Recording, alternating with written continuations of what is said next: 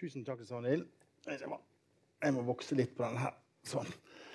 Det er veldig kjekt å få lov å komme på gudstjeneste hjemme i menigheten i julen og sitte seg ned. Og vi er jo glad i å stå og lovsynge, men det er faktisk veldig godt å sitte noen ganger og bare synge, og høre etter og kjenne på det å være i familie.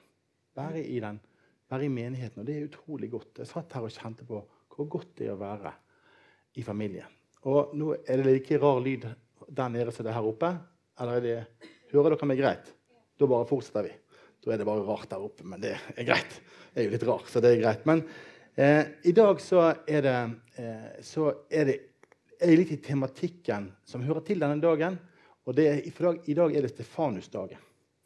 Og Stefanusdagen eh, kommer av navnet Stefanus, som var den første martyren i den første menighet. Eh, så vi skal snakke litt om det. Men jeg har lyst til å bare stoppe opp litt. fordi eh, Jeg skal prøve å holde meg litt sånn ute av åpne dører. Bare være her i dag. Litt vanskelig, men det blir litt i temaet. da. Henger litt sammen.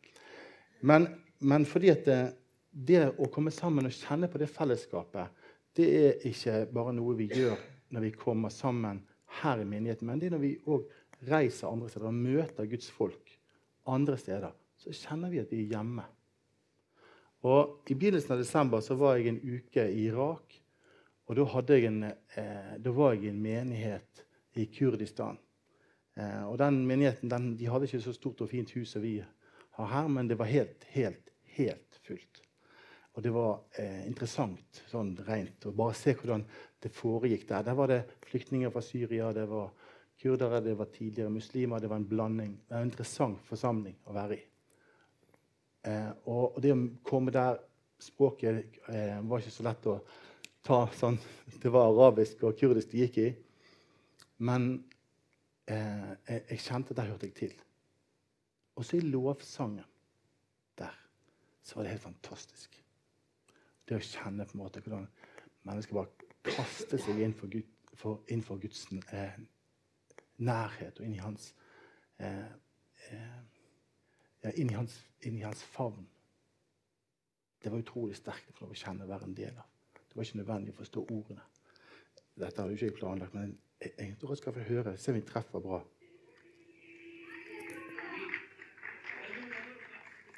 Dette var ikke planlagt. Ta litt. Jeg tar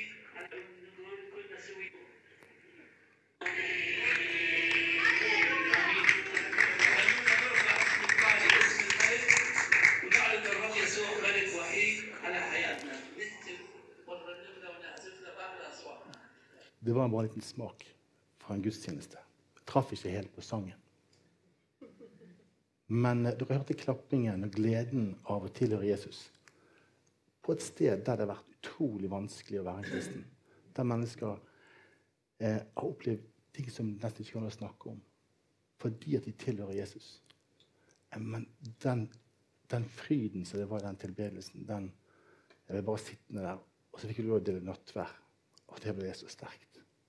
Så står det det er ett legeme. Det er ett brød. Og vi har alle del i det.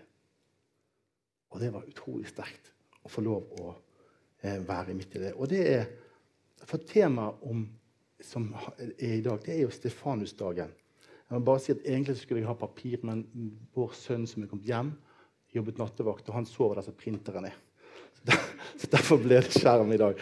Så, så, så det, sånn er det. Men nå skal jeg få lov å, få lov å Men det var på en måte noe av det som jeg kjente på når jeg satt her. at ja, Men det å komme her, hjem, den samme opplevelsen av 'her hører jeg til'. Dette er hjemme. Her hører jeg. Og dere som er her, dere er min familie. Og det er helt sant. Det er ikke noe vi bare sier, men det er ekte familie. Eh, og nå eh, er det jo så jeg skal være der. Og jeg prøvde å lage en tittel i dag. For jeg vil snakke om noe som jeg tror er veldig viktig. Eh, og jeg har egentlig ikke klart å lage en god tittel, men det handler om på den ene siden om lidelsens plass i våre liv som kristne, og det andre det handler om å ære Gud. Eh, jeg skal begynne med en historie. Det var en søndag morgen. Eh, og Elina har hørt den historien før. Hun er den eneste som har hørt den før. En søndag morgen i august i 2003, rett før gudstjenesten, så oppdaget de at en mer enn 100 kilo tung Kristusfigur i gips var fjernet fra det store trekorset som hang foran inngangen til The Church of the Holy Cross i Midtown på Manhattan. Og, New York Times skrev at det ikke var tyveriet i seg sjøl som var så overraskende, men måten det ble gjort på. For Statuen var nesten fire meter høy, og den hadde en kjerne av stål. Og så var han festet til dette store trekorset over døren på kirken med fire kraftige bolter. Og Tyvene måtte ha klatret opp på kirken, og så måtte de ha løstet boltene én etter én, og så måtte de ha båret Jesus bort. Og Så er det en representant for kirken som delte sine tanker med journalisten. Og så blir han sitert på dette. Jeg tror de må ha tenkt vi lar korset henge, og så tar vi Jesus. Vi vet ikke hvorfor de bare tok han, men når de først tok seg risikoen, så hadde det vært mye enklere for dem å tatt hele krusifikset. Så tyvene de ville ha Jesus, men de ville ikke ha korset. Hvordan er det med oss? Ønsker vi oss en Jesus uten et kors? Er vår tanke om vår egen vandring i troen eh, at det må være uten forstyrrelser og problemer? Vil vi være disipler uten at det er et offer, en pris å betale for å være det? Eller kanskje tenker vi at siden jeg er blitt en kristen, så forplikter jo Gud på på en måte koste veien for meg. Sant? Alle vanskelighetene i livet, prøvelsene, de, de, skal ikke være der. For jeg er jo et Guds barn, og han elsker meg.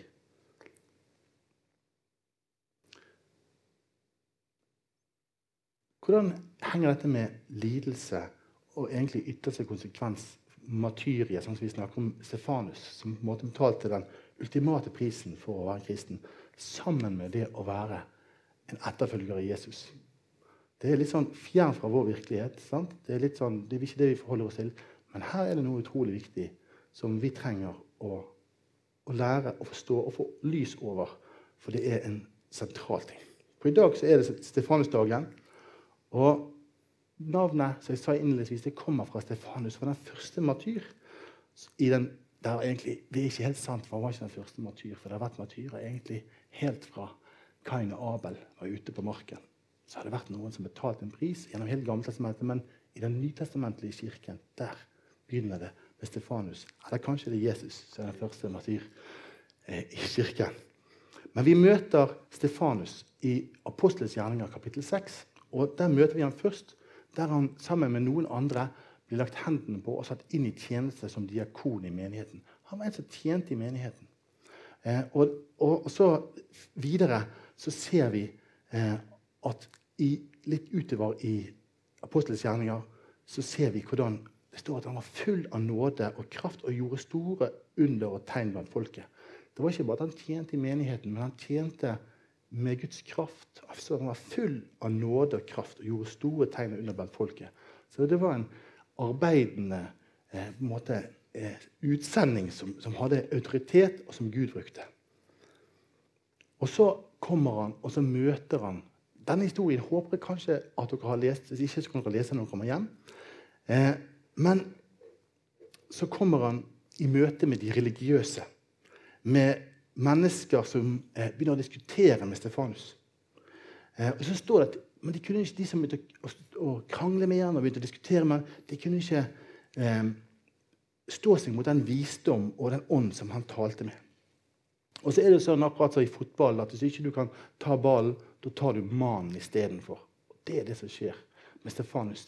De kan ikke få tak på han i ord, så de tar, går på han istedenfor. Eh, og det står at de fikk noen til å lure, De lurte noen til å si at han var en gudsbespotter. Eller en, en som eh, hadde, var blasfemiker. En som hadde begått blasfemi og spottet Gud. Og Det skjer jo mange ganger i dag rundt omkring i verden. akkurat det samme. Noen blir forledet til, til, å tro at noen andre har gjort noe galt. Og plutselig har du en anklage der ute som ikke er sann, men som beveger seg. Og så får det konsekvenser. Og så blir det en stor oppstand. Og så stiger temperaturen. Det blir det vi kaller egentlig en mobb. Det, det reiser seg. Og Så blir det framsatt falske anklager, og midt i dette kaoset av sinne og hatet så blir han ført frem for en råde. Og Det står at alle som var der, de stirret på ham. Jeg vet ikke hvordan den følelsen at alle ser på deg. Og så så de at ansiktet hans var som en engel. Og foran alle så holder han en lang tale. Den kan du lese i kapittel 7 i Apostelens gjerninger. Og der begynner han på en måte, midt i dette kaoset av sinne og anklage, så begynner han å fortelle en historie som egentlig begynner helt i begynnelsen i første Mosebok. og forteller gjennom hvordan Gud har prøvd å tale til sitt folk. Men folket var stivnaktige, ville ikke høre de drepte profetene. Og så eh, forteller han, kobler han dette med Jesus og viser at det er Jesus de har pekt på. Det er Jesus de ville fortelle om. Og nå har de drept han og korsfestet han. Og så står det i kapittel 7, vers 54-60, står det, da de hørte dette, ble de så rasende at de skar tenner mot ham. Men Stefanus var fylt av Den hellige ånd og rettet blikket mot himmelen. Og der så han Guds herlighet. Eh, og Jesus står ved Guds høyre hånd. Da sa han, 'Jeg ser himmelen åpen og menneskestønnen stå ved Guds høyre hånd.' Men de skrek, da skrek de høyt og holdt seg foran ørene. Og alle som en stormet imot han, og de drev han foran seg og steinet han utenfor byen.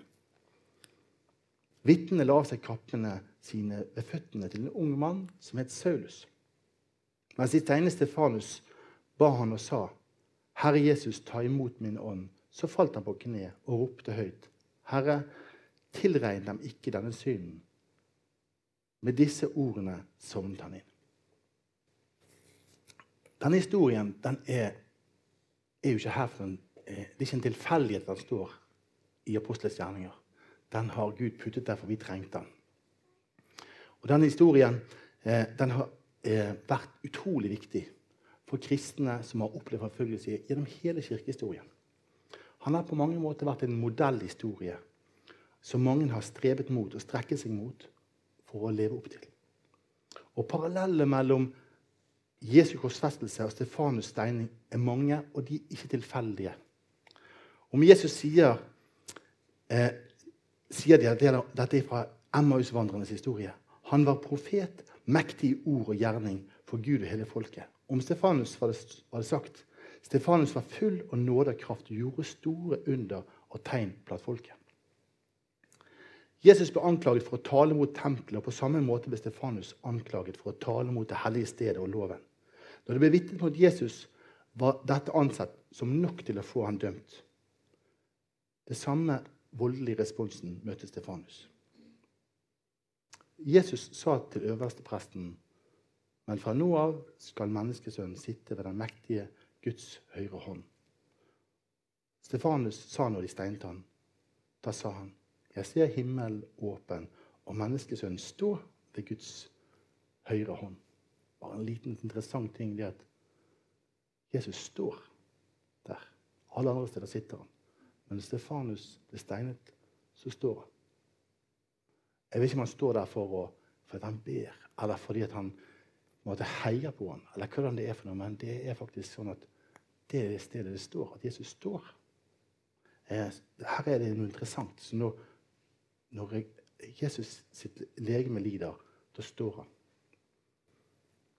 På korset så ba Jesus, 'Far, tilgi de, for de vet ikke hva de gjør.' Og om Stefanus står det, så falt han på kne og ropte høyt. Herre, tilregn da ikke denne synden. Med disse ordene sovnet han inn. Og før Jesus dør, så sier han, Far, i dine hender overgir jeg, jeg min ånd. Da han hadde sagt dette, utåndet han, og parallelt om Stefanus så står det, Herre Jesus, ta imot min ånd. Jesus han hadde trent disiplene sine. Han hadde brukt tid dag og natt med dem gjennom disse årene der han gikk sammen og lærte dem og viste dem hvem han var. Eh, og Jesus han viser oss hvem Faderen er. Det står det egentlig, det var vist her men i Hebreerne 1, 1, de første tre versene der står det at han er, det er han som viser oss hvem Faderen er. Det er han som er stråleglansen. Han viser oss hvem Gud er. Og Det var det Jesus gjorde. Han viste oss hvem Gud er. Hva karakter, hva hjerte det Gud har. Og så viste han dem hvordan han kunne leve sitt liv, sånn at de kunne få lov å følge etter. De var disipler. Jesus sa en lærling står ikke over sin mester, men når han blir utlært, blir han som sin mester. Kanskje var det det at Lukas ville vise at Stefanus han var blitt en utlært elev. En som hadde lært og forstått av eksempelet Jesus hadde, og så vandret han etter ham på denne måten. Og Det er mange ting vi kunne tatt fram fra denne historien om Stefanus. En spennende historie. Det er en voldsom historie. Ofte når vi leser disse historiene, så er de så langt vekk vi får ikke tak i følelsene i dem. Men det er jo dramatisk. Dette skjer òg i dag. Jeg tenker på en del steder i India der vi ser sånne mobber som reiser seg mot enkeltmennesker. Andre steder også, men det er voldsomt. Det ligner ofte på disse tingene. Vi, vi ser det mange steder i verden i dag. Eh, og, og, det er, eh, men også, spesielt i Pakistan og i India ser vi dette, hvordan folkemasser reiser seg mot kristne og enkeltkristne. Og det er dramatisk. Eh, men, og vi vet at mange står i det. Men ikke alle gjør det. Det er mye smerte. i dette, dette Men det skal ikke vi snakke om i dag. Men de tingene jeg vil trekke frem fra det vitnesbyrdet, eh, historien, det er vitnesbyrdet og tilgivelsens kraft. Og så Vitnesbyrdet det virker når noen lever ut et liv som ligner på Jesus. Så ja, den er stor, stor kraft. Er vanlig du snakket om det å være, eh, gjøre godt utrolig det, Og hvorfor gjør vi godt? Jo, fordi Gud er god. Vi gjør ikke det for at andre skal se oss, men for at vi vil ære Gud. Men et hjerte som er preget av det, det elsker mennesker. Paulus, eller Saulus, som sto og så på her og syntes egentlig at dette var helt greit, det som skjedde. Hva prosesser startet det i dypet av hans hjerte den dagen? Det, det gjør noe. Han som var forfølgeren, han ble den som ble forfulgt seinere. Jeg tar en liten historie fra, fra Mosul. Jeg, møtte, eh, jeg, var i, jeg, var tre mil nord for Mosul, i en liten landsby. Eh, og Der møtte jeg noen fantastiske mennesker som sto midt måtte, For et år siden var IS der. Og Nå står de egentlig og bygger opp både husene sine og livene sine på nytt igjen. Eh, men der eh, møtte jeg eh, Beklager, det var, ikke, det var en by litt lenger nord. Men det var en annen by spiller ikke så stor rolle. Men der møtte jeg en mann som forteller en historie. at Han var en av de aller siste kristne som forlot Mosul. Det var så vidt de kom seg ut. Eh, og så forteller han en historie hvordan når IS kom, så kjørte de gjennom byen så sa de at de kristne måtte være ute til den, den dagen. Husker ikke dagen akkurat i hodet nå. Eh, og hvis ikke, så måtte du enten konvertere eh, eh eller, eller dø. Det var de valgene de fikk. De kristne forlot Mosul. Eh, men så var det sånn at akkurat sånn som denne mobben vi ser her Det som skjedde i, i Mosul og mange andre steder, det var at det var ikke IS, når IS kom og talte det ut, men den samme ånden var der allerede. Så det var faktisk naboene til de kristne som truet dem. Det var ikke IS. Ganske, ja, det blir som denne mobben som de møtte. Eh, og så var det en, en, der som opplevde at hvordan naboen kom, som hadde levd hele livet sammen med. Barna hadde lekt sammen. Og nå kom han og truet ham på livet. Så tar livet av ham. Og de bestemte seg for at de måtte flykte. Eh, og så sier han til konen sin Vi kan jo ikke bare dra fra naboene våre uten å si adjø. Eh, vi har levd et helt liv sammen. Vi må, vi må jo si adjø. Så han gikk tilbake til, til naboen sin og banket han på døren. og Naboen rev opp døren og spurte hva gjør du her. Vil du at jeg skal ta livet av deg nå? Nei, jeg kom her for å si adjø til deg. Eh, for vi kommer ikke til å se hverandre igjen. Og så Det som skjer, det er at denne mannen som står på innsiden av døren, han opplever en sånn godhet at han bryter ut i gråt. Og så ber han kan ikke du tilgi meg? Hva er det jeg sier for noe? Jeg, jeg, eh, du har bare vært god med oss. Hvorfor kan ikke vi Kan ikke dere bli? Kan dere tilgi oss? Og så sier han, jeg kan tilgi deg, men, men det er ingen tillit, så vi, vi, drar. De lever i dag. De hadde ikke levd hvis ikke de hadde reist. Men igjen i en situasjon der noen velger å tilgi, der noen som gjør det vitnesbyrdet en enorm kraft. Eh, i møte med aggresjon, i møte med sinne, så kan Gud bruke det vitnesbyrdet.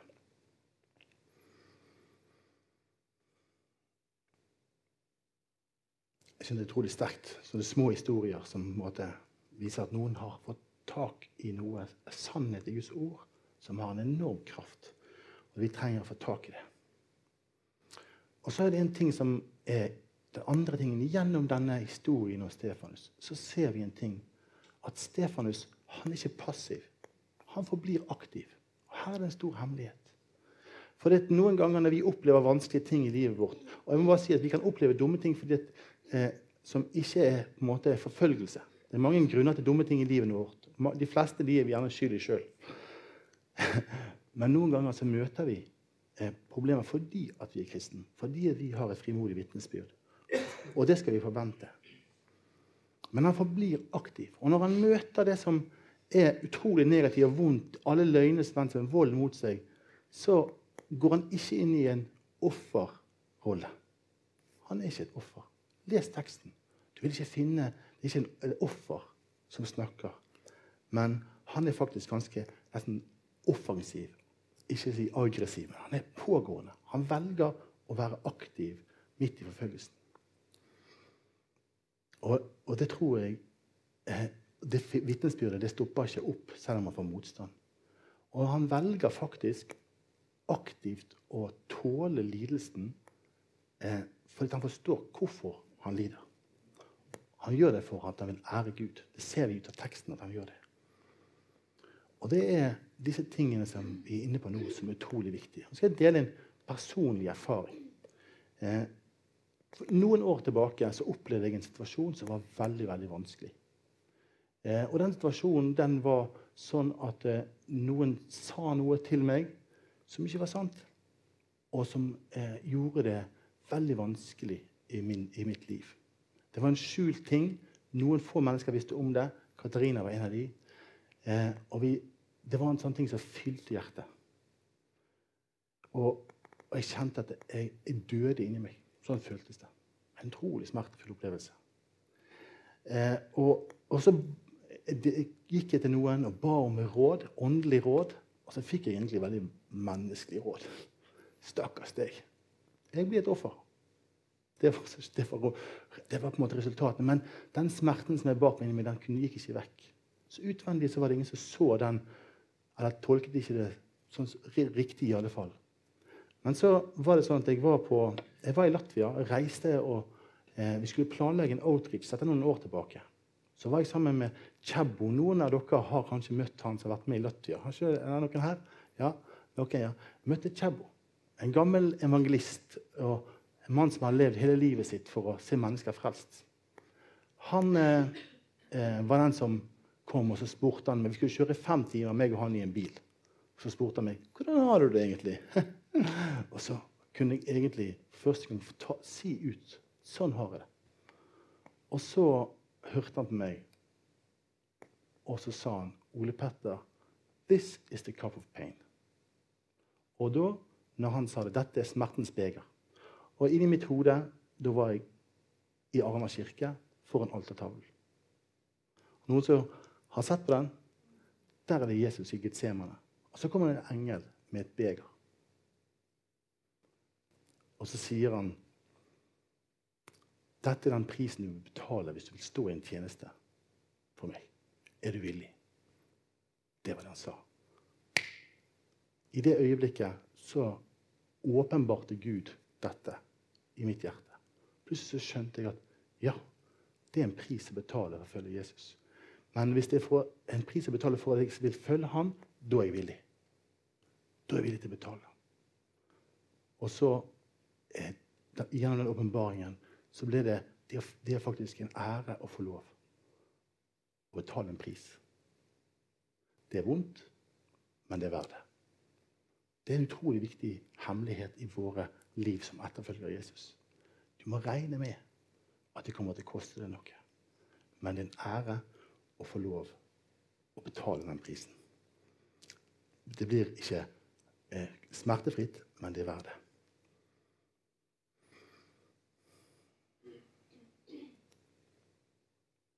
Og noen vil følge meg, må fornekte seg sjøl hver dag og ta opp sitt kors og følge meg. Det er Lukas 9, 23. Jesus inviterer oss til å følge ham eh, inn på det stedet det koster oss. Og det kan koste oss forskjellige ting. En av de tingene som jeg har opplevd Og det er jo på en måte nå toucher, for har jeg delt litt av en sånn ting som Gud har vist meg. Du har helt sikkert sånne historier i ditt liv der Gud har vist deg. Plutselig har du fått åpenbaring på ordet, på sannheten, og så blir det til liv. Dyrkjøpt sånne erfaringer. Når Jesus er i Getsemane, så spør han far, kan dette begeret komme forbi. Men ikke sånn som jeg vil, men sånn som du vil. For mange ganger så snakker vi om at Jesus døde på korset fordi han ville frelse meg. Det er jo sant, men det er ikke det han sier i Getsemane. Han gjør det fordi det er fars vilje. For han vil ære Gud. Han vil gi han ære. Det er derfor Jesus døde på korset. I lydighet. Han velger det. Han får lov å velge. Og Jesus også inviterer oss til å velge han òg når det koster, men òg til å få del. I, på det stedet får vi òg del av, av noen av de rikeste tingene i våre liv.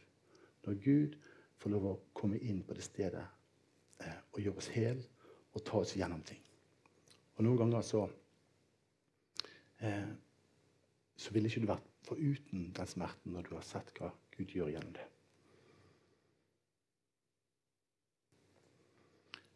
Tilbake igjen til begynnelsen. Hva vil vi ha? Vil vi ha Jesus uten korset, eller er vi villige til å ta korset med? Det er disse tingene som er kjernen i faktisk det å eh, begynne å bli en som blir en overvinner. Og oppmuntrer til å lese sendebrevene i åpenbaringsboken. Der står det om den som seirer. På engelsk står det 'be overcomer'. Det å være en som overvinner. De tingene som er helt sånn nøkkel for å bli en som overvinner, det er å forstå at det handler ikke om at jeg blir frelst, men det handler om å leve et liv som ærer Faderen. Det er nøkkelen. Leve livet for noe større. Leve livet for Han. Til Hans ære. Og da når du møter vanskelige ting, så kan du ære Han. Når du møter ting som er mening, oppleves meningstomme, så kan du ære Gud gjennom det. Og det å leve et liv som ærer Faderen, det begynner med å ta opp korset sitt og følge Han. Dette var en touch inn på Stefanusdagen. Og det er skatter å finne i Guds ord. Og hvis du kjenner her, her, er, her er ikke jeg, her, her, Gud, her må du vise meg eh, her må du vise meg hvordan jeg skal vandre. Eller du kjenner ja, jeg ble et offer i dette. Så gå til Gud og han vise deg hvordan du kan få lov å komme inn i den rette identiteten. Den han vil du skal være. Sånn du kan bli en som seirer. For det vil han. Og i dette er tilgivelse en nøkkel. Tilgivelse er det som setter fri. Det som bryter bånd fra historien, fra fortiden, fra nåtiden, i relasjoner. Går det og bærer på de tingene, så er det tilgivelsen som løser det ut. Og det er utrolig sterkt. Eh, og det, på det stedet av tilgivelse, der åpenbarer Guds godhet seg. Der får vi se hvem han er. Og det kommer med en pris, men det er verdt det skal vi be. Kjære Jesus, jeg takker deg for at du, eh, du, du, døde på korset for oss, Herre. Takk for at ditt liv og ditt, eh, det du gikk igjennom, det var ikke bare for at du gjorde det for oss, men for at du òg viste en vei der vi skulle få lov å vandre etter deg. Og å ha del i smerte og lidelse. Ikke for smerten og lidelsens del, men for å være, få lov å leve liv som ærer Faderen, og som at du hjelper oss, Herre, til å seire med deg, til å bli overvinnere. Mennesker som forstår hvem vi er, og som kan vandre, Herre, i, gjennom, i seier gjennom vanskelige ting. Takk, Herre, for tilgivelsens mektige nøkkel til å låse opp låste situasjoner, til å gjenopprette relasjoner, til å sette våre hjerter i frihet. Herre, takk at du vil ikke at vi skal gå rundt som offer, men du vil at vi skal gå rundt som å være overvinnere være mennesker som er fri i vårt hjerte. Takk at du vil lege, du vil hjelpe, du støtter. Og Herre, takk at når vi går gjennom vanskelige ting, Herre, når vi står gjennom den kampen, så står det at du står ved Faderens høyre hånd. Takk at du, du går i forbund for oss. Takk at vi ikke er alene, Herre.